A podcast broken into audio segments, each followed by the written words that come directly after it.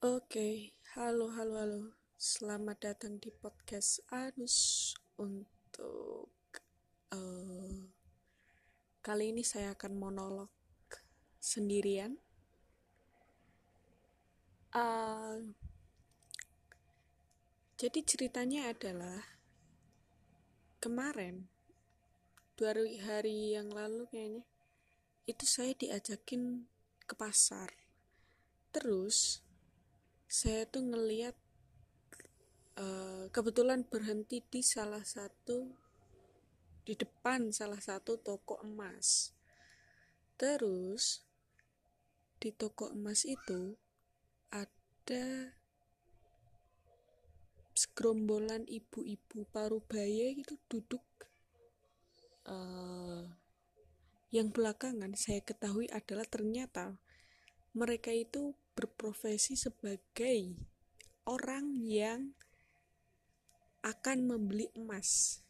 Jadi kalau misalkan uh, ada orang nih yang mau jual emas tapi nggak punya surat-surat atau mungkin mau ngejual emas di toko tapi si tokonya ini nggak ngasih harga yang sesuai biasanya tuh dia ngejualnya ke orang-orang itu.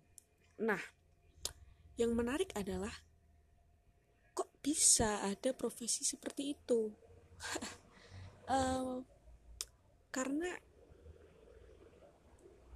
gimana ya? Pertama karena di pada saat itu di depan toko aja itu ada sekitar enam orang, enam ibu-ibu yang sama, yang profesinya sama.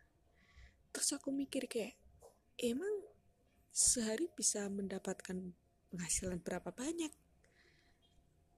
Karena kan emang berapa banyak orang yang menjual emas setiap harinya terus mau ngejual sama dia gitu. Sementara orang itu kan juga pasti rebutan uh, antara pelanggan yang satu dengan untuk ngambil minat si penjualnya ya lah ya. Uh, nah dari situ tuh pikiranku mulai uh, merancau ke banyak hal. Kayak profesi-profesi lain gitu profesi-profesi yang yang menurutku an bukan aneh ya tapi emang bisa itu mencukupi kebutuhan. Maksudnya ya urusan uh, agama lain lah ya maksudnya. Kayak kalau kita logikakan sendiri misal sehari emang berapa mendapatkan keuntungannya atau pemasukannya itu berapa? Terus kita ngukur biaya hidup kita untuk makan untuk minum untuk kebutuhan lain uh, untuk listrik air. Itu kan kayak ah bisa juga ya. Terus kepikiran gitu uh, ke profesi-profesi yang lain juga kayak um, aku jadi inget kadang kalau ngelihat orang yang jual hmm, kasur keliling itu kasur kasur loh dikelilingi jalan kaki digendong. Karena kan masih sering kan kita lihat uh, orang yang jual kasur kasur keliling gitu loh. Bukan kasur yang spring bed bed apa itu bukan tapi kasur keliling kasur yang dari kapas. Kasur-kasur zaman dulu itu kan dikelilingi tuh kadang di kampung-kampung. Itu bawa satu aja kadang nggak nggak mesti laku kan. Tapi ya juga profesinya itu masih ada gitu orang-orang yang seperti itu. Dan pasti orang-orang yang udah uh, tua sih mesti udah yang mungkin 40 tahunan 50 tahunan orang-orang yang usianya segitu karena aku yakin juga anak-anak sekarang udah nggak kepikiran tuh untuk untuk untuk ngelakuin hal itu. Makanya uh, jadi anak generasi sekarang tuh PR-nya kayaknya di situ deh. Profesinya tuh makin nggak bisa ditebak uh, profesi yang dulu kita tahu udah mungkin gak relevan sekarang. PR-nya makin banyak saingannya makin banyak terus tantangannya juga jauh lebih berat uh, sekolah bener juga nggak jaminan bakal bisa bekerja dengan baik. Uh, makin stres tuh mikirin kayak gitu terus ngapain ya? Makanya kayak kita harus berinovasi tapi apa berinovasinya? Berinovasi apa? Kita harus ngapain? Kita mulai bisnis juga. Nah, mental mental kayak gitu tuh yang yang yang yang harus kita makanya dulu kayak sebel banget uh, dulu zaman sekolah itu sering dinasihatin gitu kayak kalau sekolah tuh jangan cuma sekolah doang uh, ikut organisasi ini itu bla bla bla bla bla. Terus ketika kita ikut organisasi pun ternyata untuk langsung terjun ke masyarakat juga masih ada kekagokan gitu. Ada ada rasa kekakuan untuk bisa adaptasi ke situ keberanian dan lain-lain itu gak jaminan juga ternyata. Emang emang perjalanan menuju itu tuh kita nggak butuh nasihat orang lain sih. Kayaknya kita cuma harus nemuin caranya sendiri gitu. uh, makanya uh, makanya sekarang motivator itu nggak laku sih karena emang siapa? Contoh orang sukses yang berhasil mencapai titik kesuksesan gara-gara dimotivasi gara-gara dengerin seminar motivator gitu-gitu. Nggak ada kan?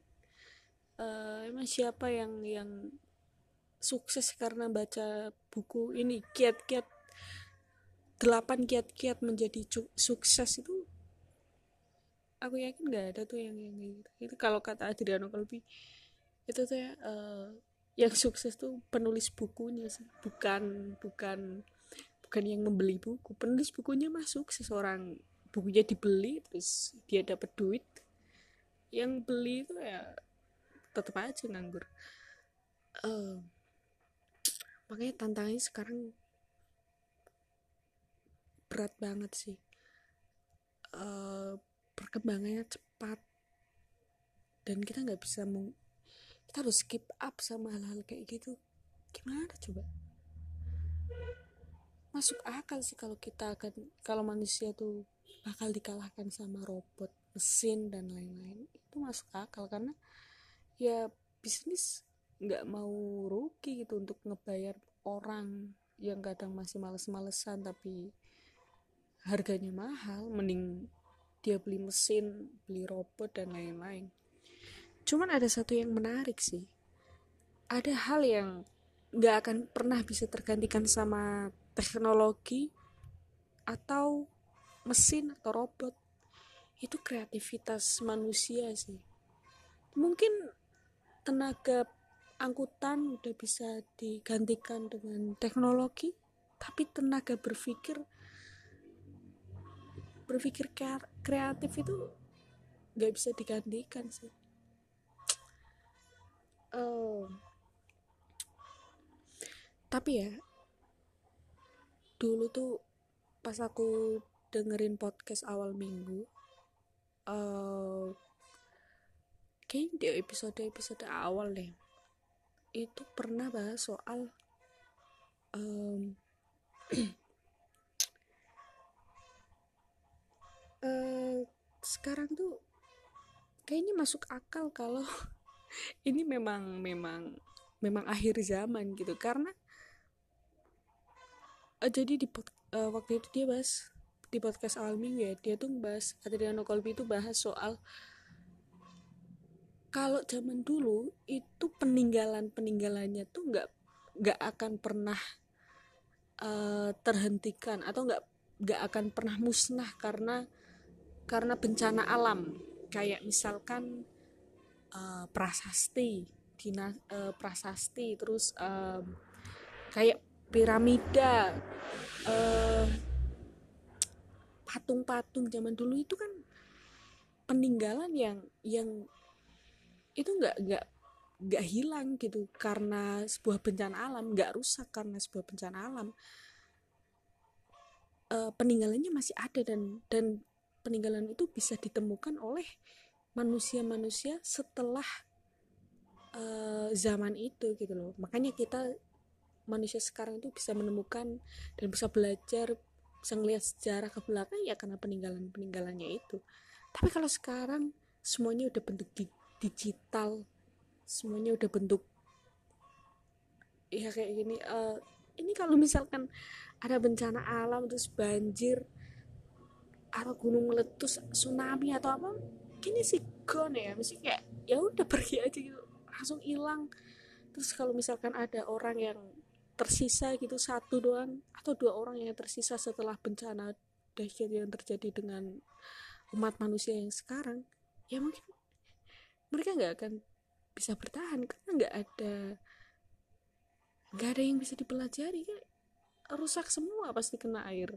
Uh, terus gimana coba? Ini mikir gitu kayak iya benar sih ini emang emang akhir zaman karena emang ini udah mentok sih dan dan kita udah makin ah gak tau lah ya. Kalau kita ngeliat uh, kita lihat kayak Candi Borobudur itu kan udah berapa tahun dibuat udah dari kapan tuh? Udah kena gunung merapi apa rusak rusak tapi masih ada gitu masih masih bisa dipelajari masih bisa diperbaiki gitu. Tapi kalau sekarang semuanya digital itu ah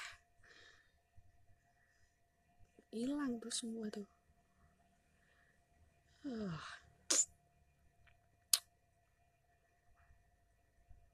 sih. Bingung nih emang um,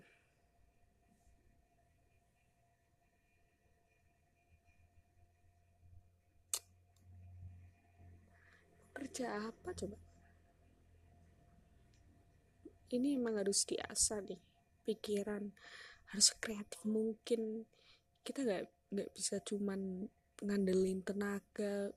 Uh, makanya aku nggak terlalu percaya. Bukan kayak terlalu percaya maksudnya tidak menggantungkan sepenuhnya terhadap pendidikan formal karena nggak ada jaminannya gitu loh kita but, cuman butuh keberanian untuk ngulang untuk mulai gitu. Kalau kata Jack Ma itu uh, anak muda itu harus harus banyak mencoba dan gagalnya supaya kita tahu. Karena kalau kita masih muda dan gagal ya kita bisa punya kesempatan untuk memperbaiki itu. Terus kayak ada yang pernah bilang kita tuh harus bisa membangun sesuatu yang bisa kita hancurkan. Untuk kita bangun lagi dan kita hancurkan lagi dan kita bangun lagi dan kita hancurkan lagi. Itu kata-kata itu sih kayak aduh masih dipikirin sih. Tapi nggak tahu lah ya. Udah gila sih nih uh, udah lah ya nanti mungkin udah cukup episode kali ini 13 menit doang. Lumayan. Lumayan untuk ngomong sendirian. Oke okay, thank you. Dah